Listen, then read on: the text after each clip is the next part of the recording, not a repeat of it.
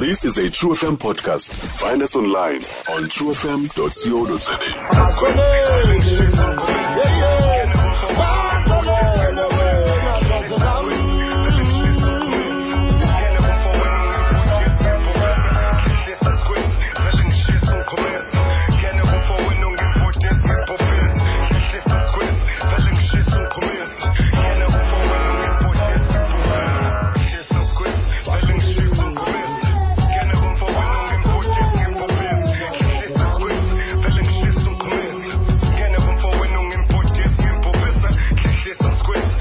On True FM like no one else. Name of the joint, Marikana. It's important. That's why we know and love hip hop because it talks about the things that we go through, man. It becomes the voice of the voiceless.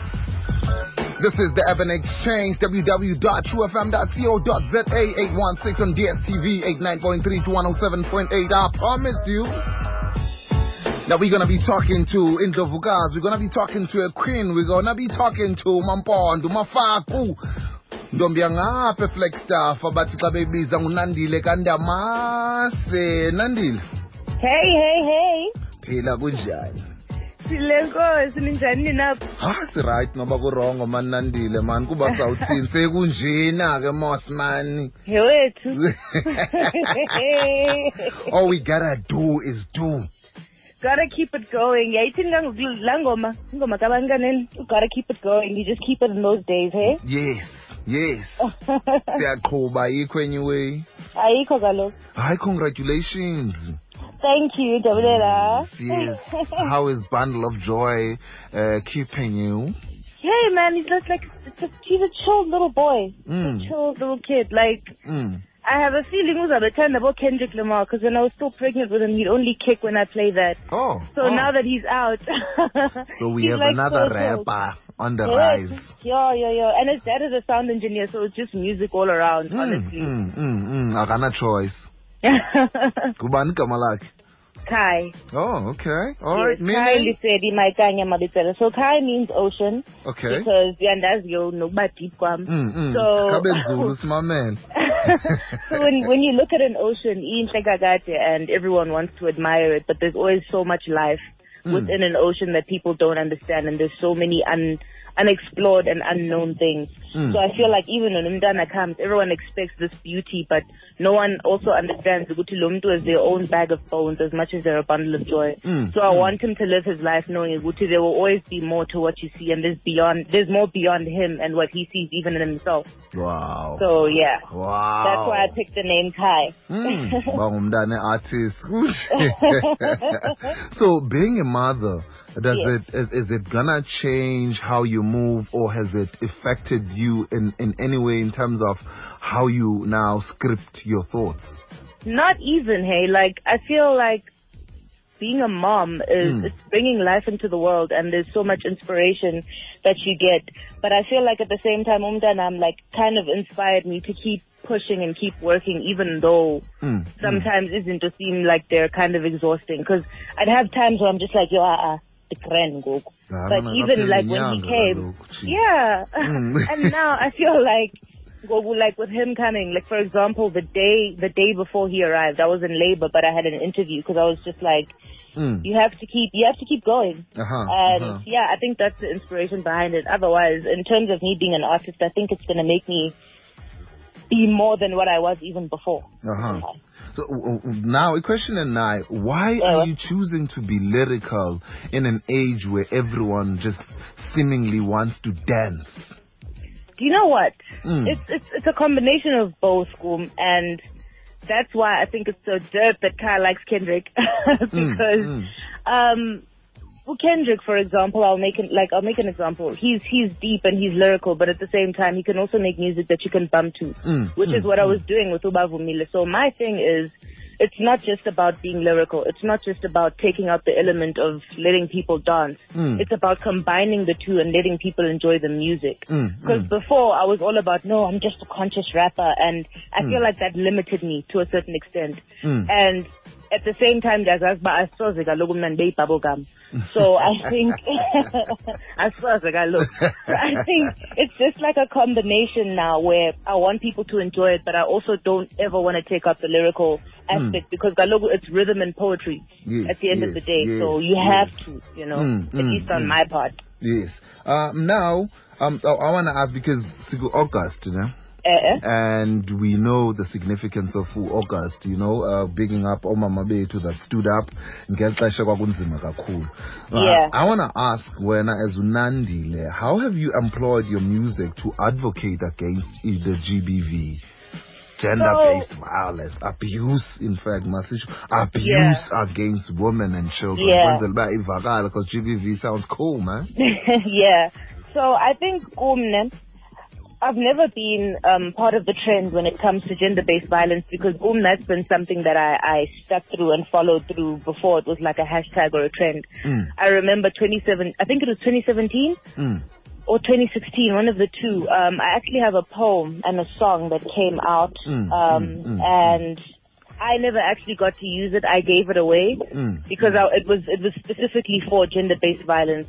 So Mm, mm. I, I wrote a song called Blind where it, it speaks about ezinjalo and they used it for a music video that was premiered in New Jersey. Mm, mm, Um, mm, mm, and they basically did that with it and I've just been like that, you know, and especially with the poetry, um, I've got like poems that I've written, you Mm. know, against e woman abuse and just gender-based violence in general. Mm. So it's always been something that I push and motivating women and motivating abantu abamnyama by writing songs like Brown Skin, you know, like Mm, that's mm, mm, that's mm. always been me.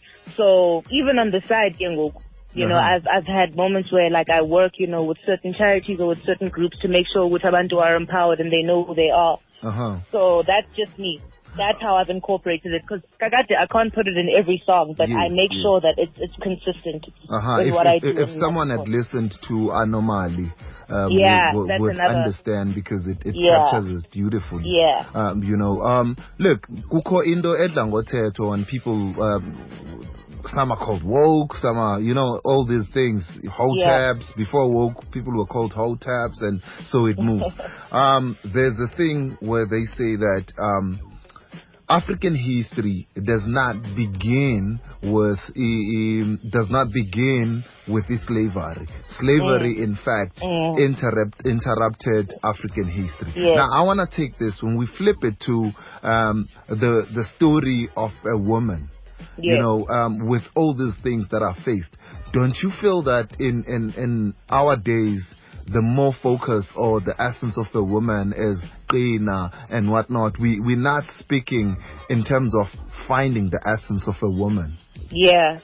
I think that came with a lot of, because I feel like back in the day, um, women actually, if we, if we take outside the, the patriarchy and the, and, and all of that stuff, women actually praise the Lord. Jonga, all of these goddesses like Oshun and all of these African deities, like there's a lot of things that we don't know about. Mm, So we went into it, I think, being introduced to Mm. a form of slavery and racism and all of that. So now we rewired our minds to be more patriarchal than like being liberal. So I Uh-huh. think that's where the whole aspect of um, um, umfazi makabekezele and makaqine and all of Mm, that mm, started mm, coming mm, in mm. because it was more beneficial to the patriarchy, which was also racist at the time. Mm, Because the mm. system kind of lures izinto to be a certain type of way. So Yes. th- that's why Gutwa, the hardest thing to be in this world is being a black woman Mm, because you're mm, being mm. black twice. Mm, You know, mm, you mm. you're black, and at the same time you're a woman. So in your black society, you're still a woman. In society with everyone, you're still black. So it's, it's, You're it's at the bottom of the bottom. Exactly, exactly.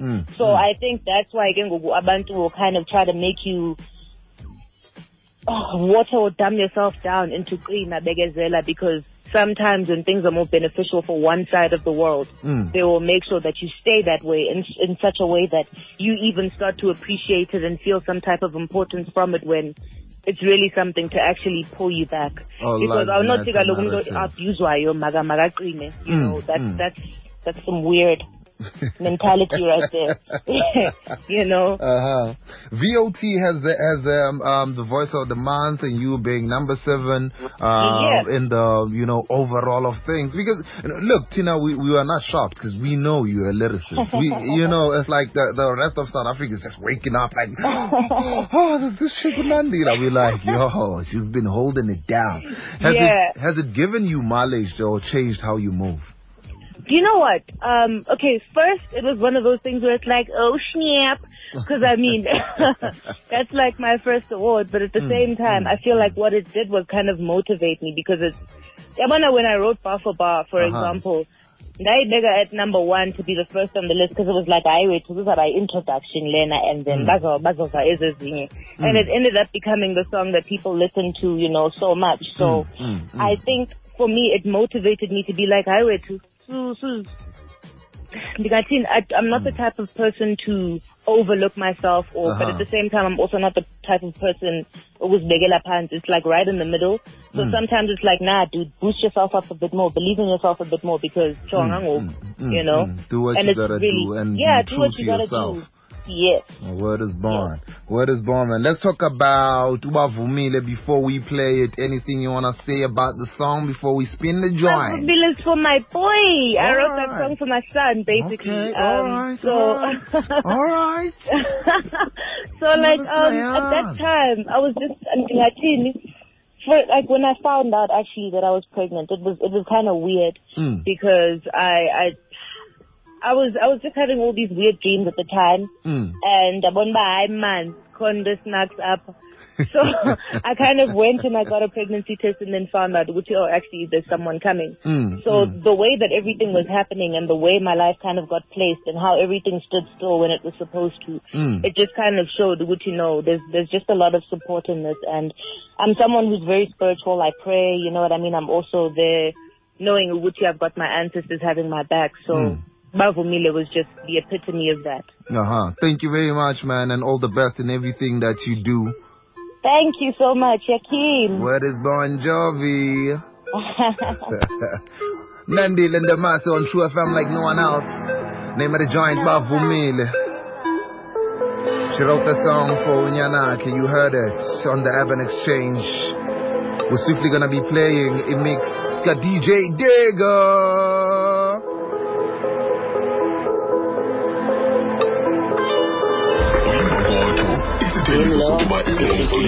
Amandla bulile ndiphilile ngihluphe lishile ndidiziwe ngoba ubende ndahlanjwa kuchithiwe. Ndim lo ndizilile. Ndithi phuma nkathazo ndilindile. Nangumntwana endleleni simlindile. Makagqama amakhwezi simnikile wonke amandla makavuka indlela ziqonde sibone ukuhle uma wempasi gaza lijika imvula ijikelezisa amanzi emfuleni yevula wempasi hayi mani demet wavuka umoya nantsi demet ndiyingxaka yehlukile savage. Lisityani khwanyise liphelele Vukusithulile Phele Tyelela meva Qhuba uqinisekile Yeah Okwenene Kusamile ukhule Yeah Okwenene kusamilukhule Stream True FM online on truefm.co.za. sikho yonke indawo ngalo lonke ixesha like no one else